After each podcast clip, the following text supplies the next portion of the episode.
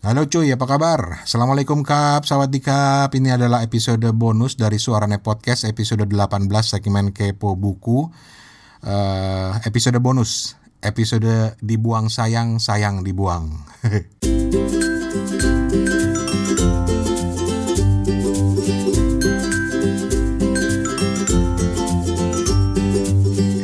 Buat yang belum dengerin episode itu, uh, kita bahas uh, satu buku keren berjudul Generasi P Memahami Milenial Pengubah Indonesia karya Dr. Muhammad Faisal. Nah, buku ini menarik buat antum-antum, buat kalian-kalian yang lagi penasaran dengan makhluk apa itu yang disebut milenial. Berbeda dengan teori generasi di barat, ada baby boomers, generasi X, Y, Z, bla bla bla Mas Faisal uh, mencoba memetakannya dengan penelitian panjang yang menggabungkan berbagai disiplin ilmu mulai, mulai dari uh, psikologi, politik, budaya dan lain sebagainya termasuk juga terlibat langsung meneliti anak-anak muda ke lapangan. Dan dari situ uh, dia berhasil memetakan apa yang kalau boleh gue sebut sebagai teori generasi yang Indonesia banget terutama generasi sekarang yang disebut generasi milenial, namun oleh penulisnya disebut sebagai generasi P. Oke, okay, Selengkapnya dengerin review gue dan uh, co-host Kepo Buku Steven Sitongan di episode 18 ada di soundcloud.com garis miring suarane atau di suarane.org atau juga ada di upload di channel Anchor ini yang lagi lu dengerin ini. Uh, sebelum episode ini ada di situ cari episode 18 setelah dengerin itu baru lu dengerin bonus episode ini. Jangan dibalik, bingung ntar lo. Nah, di episode bonus ini gue cuma mau share obrolan full gue dengan Mas Muhammad Faisal, Dr. Muhammad Faisal lengkapnya, penulis buku Generasi P. Karena di podcast sebelumnya gue cuma kutip uh, obrolan beliau sedikit aja, sebagian aja supaya nggak kepanjangan gitu. Uh, dan terus nanti di akhir ada gue dan Steven yang uh, mau rekomendasi beberapa buku lain yang mungkin juga menarik buat lo penggemar buku dan semua ini adalah episode yang nggak masuk di episode kepo buku terakhir tapi kok uh, dibuang sayang sayang dibuang jadilah episode bonus ini Oke, kita langsung aja dengerin uh, rekaman full obrolan gue dengan Dr. Muhammad Faisal, penulis buku Generasi P, Memahami Milenial Pengubah Indonesia. Selamat malam, Mas Faisal. Selamat malam, Mas Rane untuk mendengar kami sedikit latar belakang, Mas, uh, yang membuat Anda tertarik untuk meneliti ini dan kenapa Anda memunculkan teori yang wah ini baru ini khas Indonesia gitu. itu awalnya kan itu saya juga tulis di kata pengantar uh, buku generasi P itu uh, background saya sebetulnya dari psikologi sosial politik hmm. uh, dan dulu pekerjaan saya lebih banyak berkecimpung di dunia survei ya survei politik itu saya selama hampir dua tahun melakukannya survei-survei itu. Dan awalnya ketertarikan saya adalah ketika di survei-survei politik yang saat itu ya. Tentunya banyak dilakukan buat uh, partai-partai politik. Uh, ketika di datanya dicacah menjadi uh, di segmen tertentu untuk usia tertentu yaitu anak muda itu jawabannya nggak pernah uh, konsisten jadi selalu ini kok berubah-ubah terus gitu ya. Hmm. Lalu pada akhirnya saya menyadari bahwa kayaknya ini jiwa riset saya bukan di dunia politik walaupun secara akademis secara akademis saya dulu ya, fokusnya tesis dan disertasi di di sosial politik. Oke. Okay. Nah, lalu saya tergelitik untuk untuk ya itu meng, menggali tentang oh ya waktu itu ada data-data tentang anak muda tuh yang kayaknya belum kejawab tuh waktu itu. Gitu. Pas saya keluar dari kantor konsultan politik itu saya pikir bikin apa ya bikin biro riset yang yang seru kayak apa ya terus Lalu tercetuslah ide untuk diriin youth lab dan meneliti anak muda.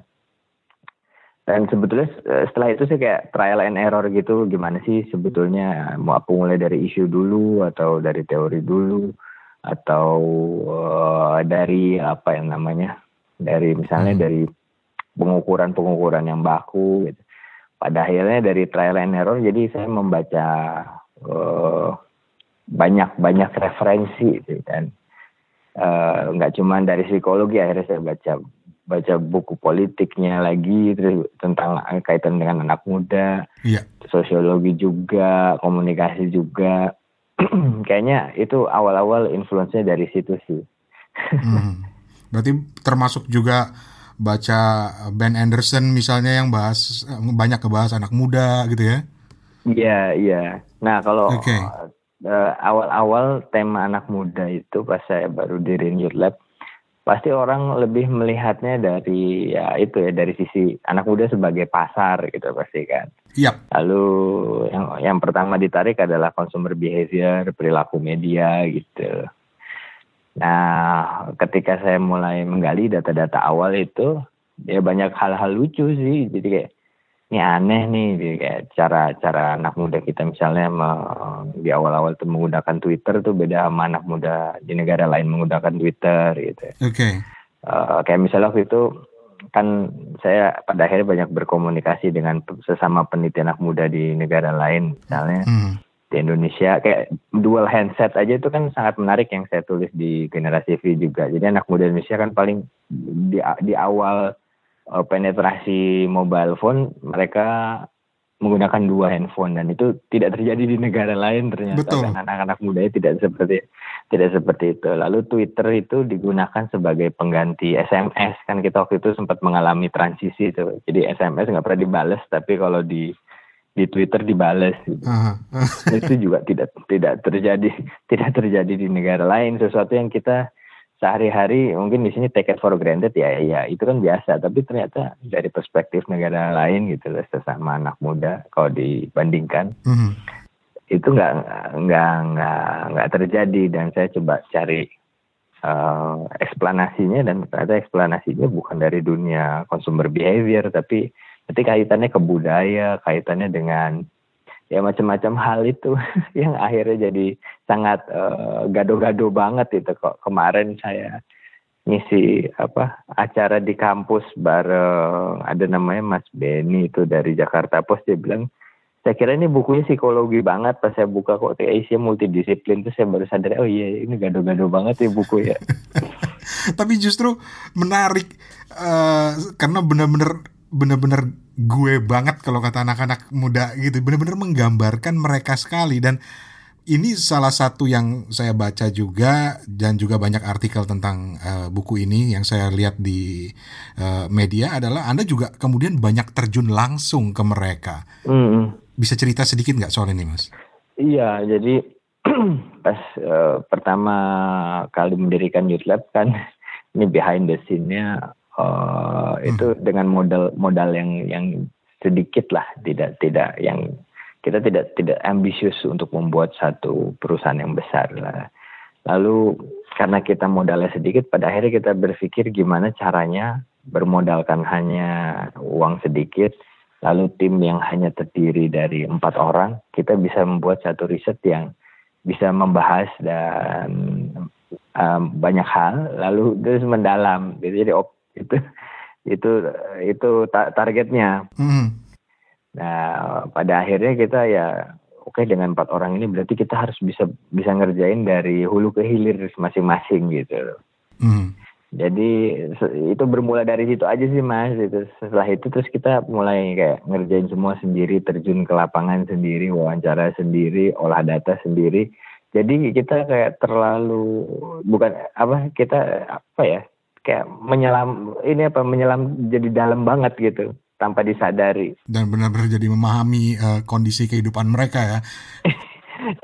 Iya iya. Jadi kalau di bureau riset lain kan biasanya uh, ya misalnya pertanyaan itu disusun oleh seorang analis gitu. Hmm. terus nanti dia didelegasiin ke yang turun ke lapangan yang di lapangan nanti nyari respon cari ada tim responden tim responden terus lalu kan jadi antara data dengan si penelitinya tuh ada jarak yang sangat jauh gitu. Mm. nah itu nggak nggak kejadian sebetulnya karena keterbatasan ini aja di sisi finansial kita aja tapi pada akhirnya oh itu ada jadi keberkahan tersendiri gitu. Keren keren.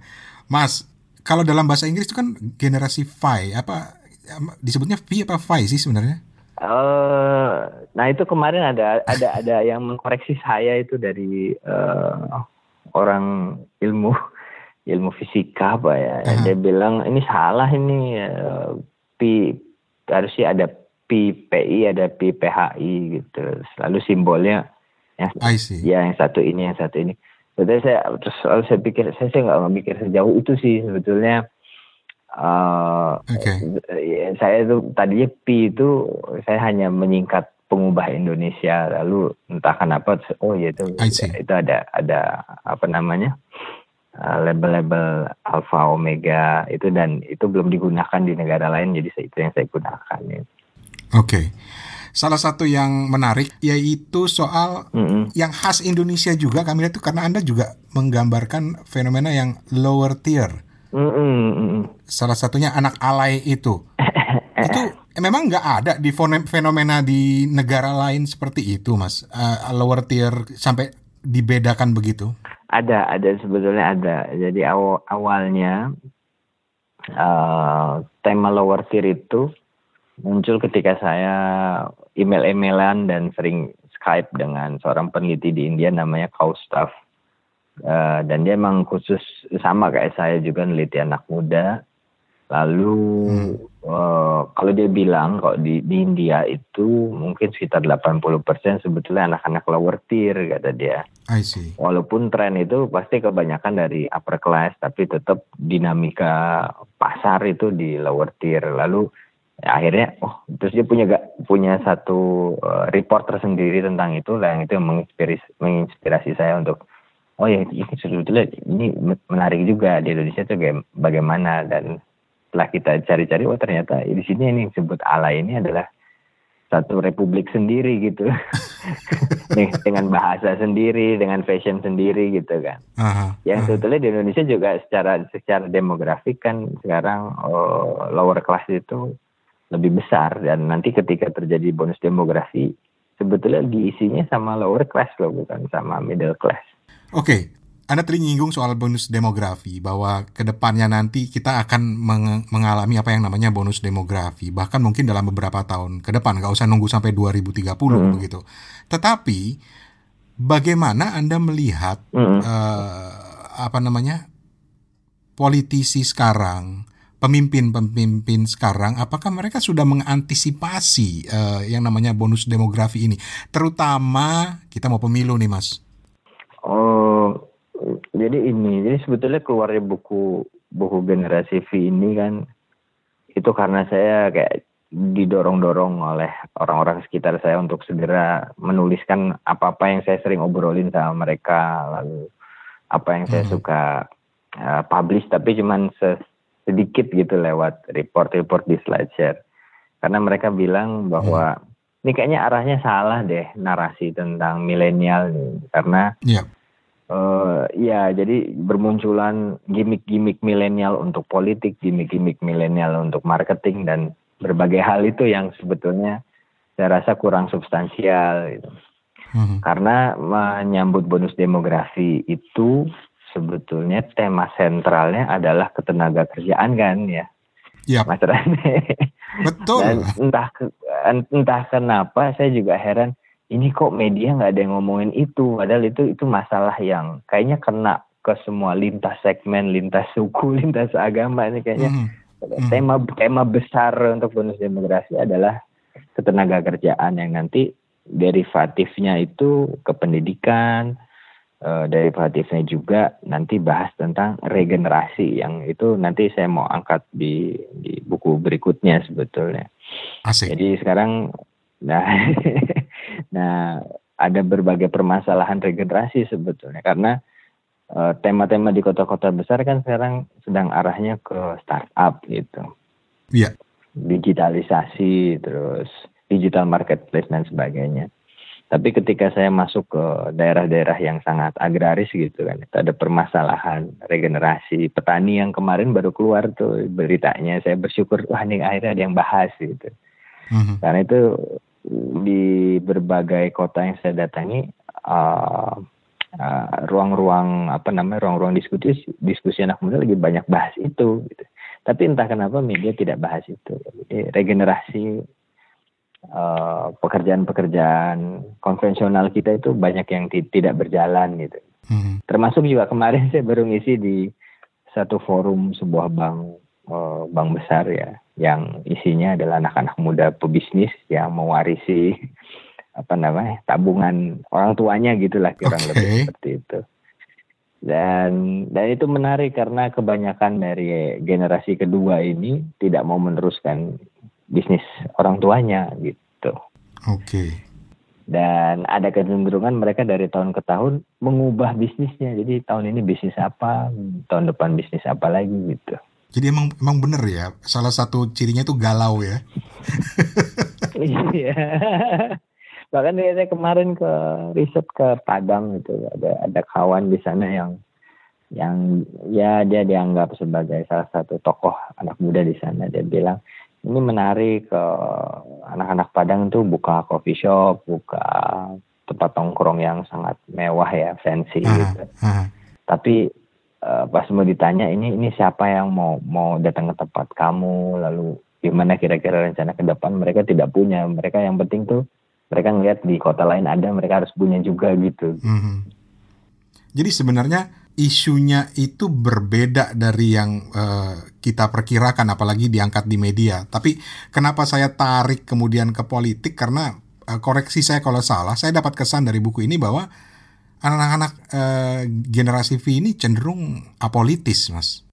Iya, itu sayangnya memang realitasnya sekarang seperti itu. Uh, kalau dua tahun terakhir ini malah saya melihat ada ada ada cara pandang seperti ini. Jadi anak muda itu melihat performa pemerintah pusat mm-hmm.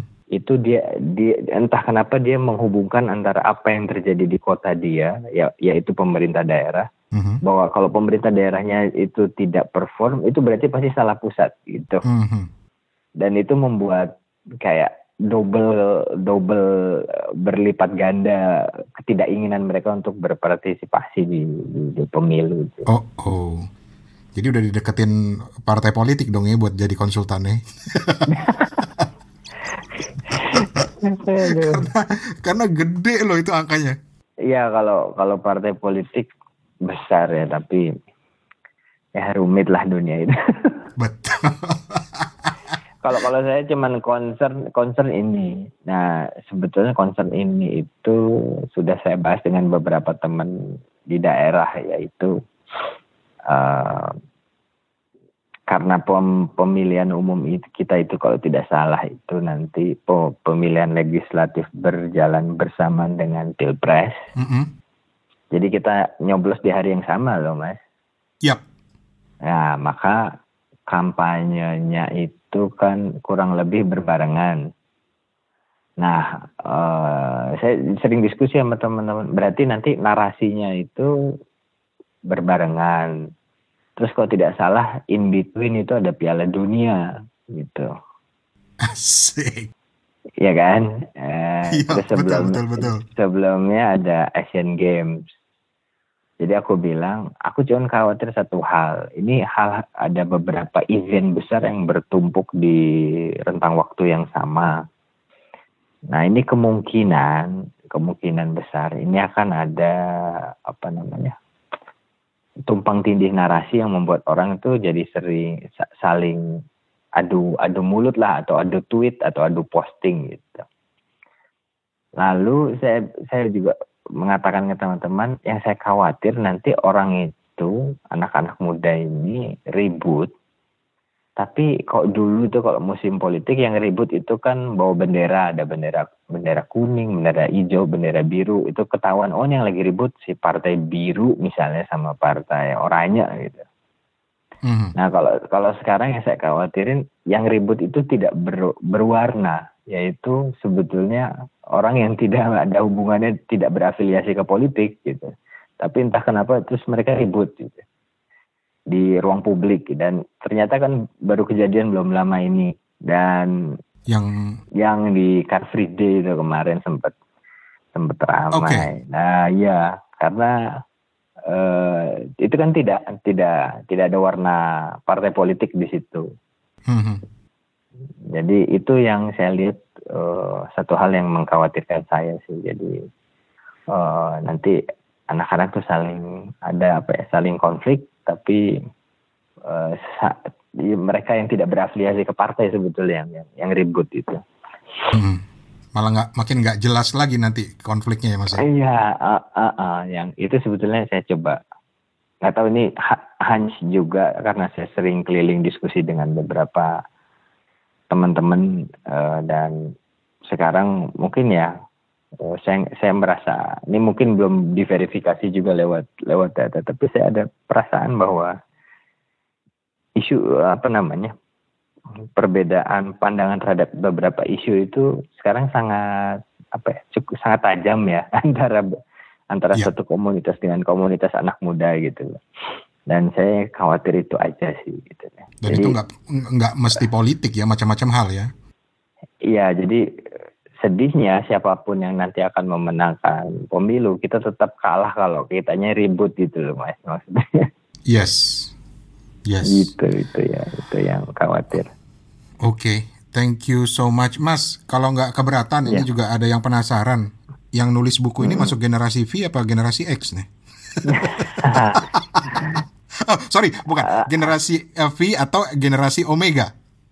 Uh, kalau nggak dijawab nggak apa-apa. Di luar negeri, di luar negeri ada ada kalau nggak salah kemarin sempat publish ada buku Gen X will save the world gitu kan. Jadi okay. Tetap yang paling keren itu ya dari generasi X atau kok di buku saya generasi Omega paling keren.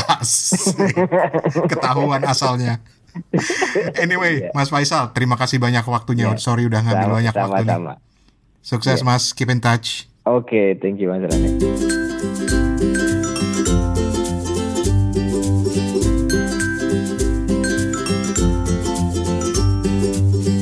Itulah tadi obrolan gue dengan Dr. Muhammad Faisal, eh, penulis buku Generasi P, Memahami Milenial Pengubah Indonesia. Uh, kalau lu udah kadung dengerin dan belum dengerin episode ke-18, coba cari aja di soundcloud.com garis miring suarane atau di suarane.org atau di episode sebelum ini di Anchor. Uh, dan di situ ada juga kuis yang bagi-bagi paket buku keren. Uh, rugi kalau lu nggak dengerin. Dan selanjutnya masih ada episode dibuang sayang sayang dibuang di mana gua dan Steven mau rekomendasi beberapa buku. Ini juga sempat kita rekam kemarin tapi karena kepanjangan akhirnya ya udahlah nanti kita taruh di episode bonus. Kita dengerin.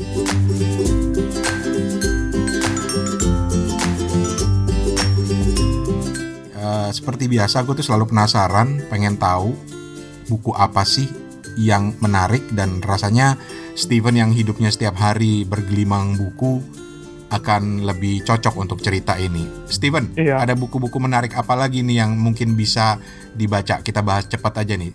Hmm, ada beberapa buku bang. Salah satu pertamanya ada problem bahasa kita dari Faris Al Niezar, kritik bahasa dari Iwak Pitik sampai arus balik. Penerbit Kaktus Yogyakarta.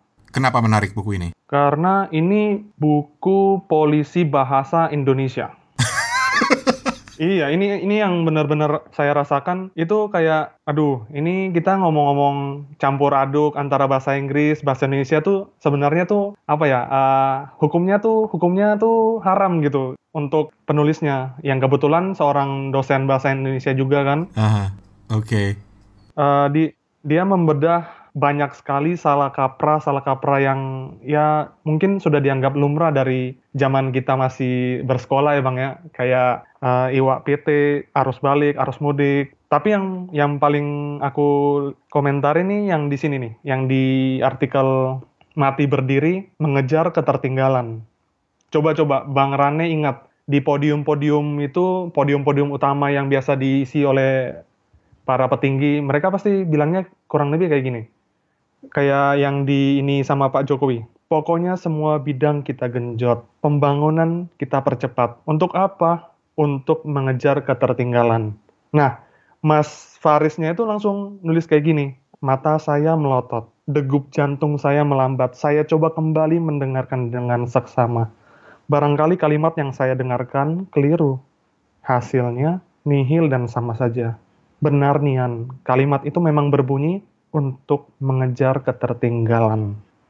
Nah, konklusinya dia bilang gini, mustahil bagi kita bisa meraih kemajuan jika yang kita kejar mati-matian adalah ketertinggalan.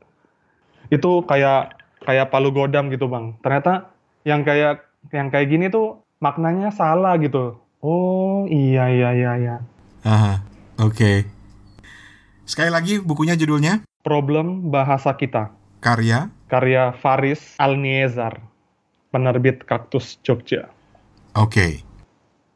Yang kedua, yang kedua ada buku novel dari Faisal Odang, baru aja terbit nih bang. Judulnya? Tiba sebelum berangkat. Tiba sebelum berangkat, sebuah novel. Apa yang menarik dari novel ini? Yang menarik pertama, judulnya tuh udah catchy banget kan. Tiba sebelum berangkat. Bukan mengejar ketertinggalan ya? Bukan mengejar ketertinggalan bang. Aduh itu gimana sih yang bikin pidato ya bang ya? terus terus terus. Ah uh, di di sampul belakangnya dibilang gini. Uh, tiba sebelum berangkat itu adalah sebuah kisah yang terbentang dari tahun 1950 sampai ketika anda membacanya saat ini pengkhianatan, air mata, penyiksaan, dendam, kematian, amarah, dan cerita cinta yang muram dikisahkan oleh seseorang yang sedang berada di ruang penyekapan. Seseorang yang menunggu satu persatu anggota tubuhnya ditanggalkan sebelum dijual. Wow. Ini cerita cerita tentang apa sih? Ini cerita tentang tentang seorang bisu yang kemarin diomongin sama Mbak Yori itu yang tentang seksualitas kita di Sulawesi Selatan. Oke. Okay. Ada beberapa macam itu. Kita mundur dikit dulu, Steven. Ya karena supaya teman-teman yang dengar jangan menanggap menganggap ini bisu bisu nggak bisa mendengar. Tapi yang dimaksud adalah bisu dalam double S. Okay. yaitu sosok di dalam budaya orang Bugis mm -hmm. yang uh, memiliki gender laki-laki dan perempuan dan dianggap sebagai orang yang sangat dihormati orang yang sakti gitu ya. Iya. Oke okay, terus terus terus. Nah istilahnya uh, narasi yang diceritakan itu dari kisah seorang bisu ini yang lagi disekap, yang ceritanya tuh lagi di diinterogasi gitu oleh seor oleh, oleh sebuah komunitas pembela pembela hak apa gitu. Pokoknya di sini diceritain gitu. Yang aku simpulkan adalah tiba sebelum berangkat ini mempunyai cara bercerita yang hmm. pasti membuatmu sulit lepas sejak halaman pertama. Dan mempunyai aksentuasi polemik sosial di Sulawesi Selatan gitu bang. Oke, menarik. Masih ada rekomendasi yang lain? Oke, selain itu mungkin trilogi Hujan Bulan Juni karya Pak Sapardi bang. The one and only Sapardi Djoko The Damono. one and only. Trilogi Hujan Bulan Juni. Udah baca semua bukunya, tiga-tiganya? Iya, sudah dibaca dalam waktu bersamaan, kurang lebih bersamaan. nah itu karena generasi milenial fear of missing out-nya seperti itu. Jadi ketika kemarin baru launching kan bulan-bulan kemarin ya kalau nggak salah. Uh-huh. Launching buku ketiganya beliau yang judulnya juga catchy banget. Yang Fana adalah waktu. Mm-hmm. Ya, yang Fana adalah waktu keluar. Saya juga belum baca. Ya udah, saya beli lagi bukunya. Dari yang pertama ada Hujan Bulan Juni, terus yang kedua, pingkan melipat jarak. Yang terakhir, yang fana adalah waktu. Itu benar-benar cerita romansa yang gimana ya, yang yang memang sederhana tapi oleh seorang Sapardi itu diceritakan dengan uh mengagumkan lah. Istilahnya asik-asik uh, gua itu penggemar beratnya Sapardi. Gue bukan penggemar puisi sampai kemudian bertemu dengan karya-karyanya Sapardi Joko Damono. Bahkan ketika Stephen bilang menyebut buku yang terakhir itu judulnya Yang Fana adalah Waktu ya. Iya bang. Ya masalahnya gue jauh dan masih belum dapat bukunya. Tapi begitu Stephen nyinggung, gue langsung inget itu kata-katanya Sapardi gue masih bisa menyebutkannya dengan jelas. Yang fana adalah waktu, kita abadi, memungut detik demi detik, merangkainya seperti uh, seperti bunga, uh, sampai pada suatu hari kita lupa untuk apa. Tapi yang fana adalah waktu, bukan? Tanyamu, kita abadi. Ah, masih hafal gue. Tapi itu itu berarti dari sebuah puisi, sebuah puisi. Yes, uh, hmm. tahun 80-an kalau nggak salah Uh, dan makanya jadi penasaran untuk membaca kembali semuanya gitu. Oh. Dan uh, gue jadi tertarik kenapa so apa ya bagaimana seorang generasi milenial melihat karya-karyanya Sapardi ini dan Steven tadi ceritanya dengan menarik sekali nih. Uh, iya, yang bikin trilogi Hujan Bulan Juni itu bisa ngena aja itu karena itu uh, bagi aku sendiri memang dari karya pertama beliau Hujan Bulan Juni yang novel itu memang punya daya daya tarik tersendiri. Dari awal dia bikin paragraf pertama yang kayak gini ketika turun dari lantai tiga sebuah hotel di Bulak Sumur dekat kampus UGM yang ada di kepala Sarwono hanya satu ke Malioboro mencari kios majalah Nah, istilahnya dari situ aja daya hentaknya, daya daya gugahnya itu udah sedemikian besar sehingga mm-hmm. ketika saya baca novel Hujan Bulan Juni itu kayak semacam cerita romansa anak muda banget gitu ya, yang memang sederhana, yang memang uh, percintaannya tuh enak untuk di diikutin dan nggak terlalu banyak konflik, nggak terlalu banyak ini, tapi ngalir aja gitu dengan dengan membaur dengan cita rasa anak muda kekinian gitu. Ngeblendnya bagus lah gitu. Asik. Oke. Okay. Iya. Dan ini menarik. Eh, gue jujur, gue belum baca dan pengen banget baca trilogi Hujan Bulan Juni ini. Jadi mungkin ini okay. akan masuk dalam daftar buku kalau nanti hmm. mudik gitu. Dan ini adalah satu dari sekian banyak buku yang gue nggak mau beli edisi digitalnya. Iya iya oke. Okay. Karena ini harus oh, dikoleksi. Jadi sekali lagi hujan bulan Juni, pingkan melipat jarak dan yang fana adalah waktu. Itu adalah trilogi hujan bulan Juni dari uh, Pak Sapardi Djoko Damono ya, Steven ya. Iya betul. Iya. Oke. Okay itu uh, tiga rekomendasi dari Steven. Silakan dicari. Gue malah tertarik yang novel tentang bisu itu juga. Pengen baca jadinya. Um, ke depannya Steven sendiri sedang menunggu-nunggu buku apa? Uh, salah satu buku yang dinanti itu ada buku terbitan KPG dari Mas Hikmat Darmawan sebulan di negeri manga. Terus ada buku barunya penulis bestseller juga yang kita kenal dengan judul Sapiens, penulis asal Israel Yuval Noah Harari. Di bulan Agustus dia hmm. akan bikin buku tentang abad 21. Itu salah satu yang ditunggu-tunggu banget. Setelah kita terkesima oleh buku dua buku pertamanya yang judulnya Sapiens tadi sama Homo Deus, A Brief History of Tomorrow. Nah, buku barunya akan terbit Agustus besok. Oke, okay, Yuval Noah Harari jujur gue belum baca semuanya jadi ya kayaknya gue harus mulai membaca buku ini dan uh, looking forward ke bukunya yang terbaru nanti. Sementara uh, bukunya Hikmat Darmawan sebulan di negeri mangga ini banget banget gue tunggu. Uh, karena ya kebetulan gue kenal dengan orangnya. Hikmat ini adalah seorang pakar komik dan pengamat budaya pop gitu ya.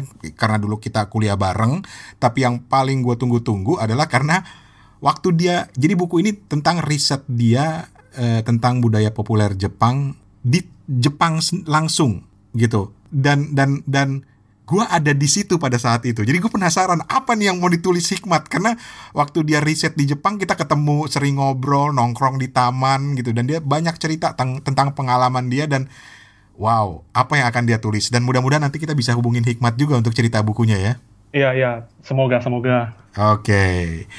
Oke, terima kasih banyak uh, Steven. Sekalian pamit karena uh, suarane podcast udah sebulan ke depan akan hiatus dulu. Jadi ini adalah sekaligus suarane podcast uh, penutup untuk season 1. Jagaya. Jadi mau ngumpulin energi dulu, insya Allah setelah lebaran kita akan mulai dengan season kedua dari Suarane Podcast termasuk juga di dalamnya adalah kepo buku ya. Jadi kumpulin buku yang banyak-banyak uh, sebulan ke depan gua akan gangguin dulu lagi nih. Uh, iya iya oke. Thank you banget Steven. Iya yeah, thank you Bang Rani. Oke cuy, itu tadi episode bonus Dibuang Sayang, Sayang Dibuang dari Kepo Buku episode 18 Suarane Podcast. Thank you banget yang udah dengerin. Bonus episode ini juga menutup sementara Suarane Podcast yang akan break sekitar sebulan ke depan. Anggap aja ini break season 1 gitu. Insya Allah gue akan balik lagi di season 2 setelah lebaran. So yeah, I'm gonna miss you guys, uh, but uh, mudah-mudahan break ini bisa menghasilkan episode-episode podcast suaranya yang lebih keren dan insya Allah ada hadiah lebaran lah buat teman-teman penggemar podcast semua dari gue nanti. Beneran ada hadiah. Insya Allah doain, doain jadi gitu ya. Mudah-mudahan jadi, amin. Dan kalau mau denger uh, behind the scene kenapa gue break podcasting, lu ke suarane.org, uh, suarane.org atau ke SoundCloud com garis miring suarane di situ ada episode penutup yang gue ceritain di situ lengkap ya. Kalau berkenan mau dengerin gitu. Ya udah gue pamit dulu dari Bangkok eh, Thailand gue Rane Hafid dan juga bersama co-host gue Steven Sitongan di Ambon. Pamit juga ketemu lagi habis lebaran. Selamat berpuasa buat yang puasa. Moga negeri kita tercinta ini damai terus. Nggak ada bom-boman, nggak ada gontok-gontokan, nggak ada ribut-ributan. Makasih banyak Kapun Kap Assalamualaikum Kap. Permisi Kap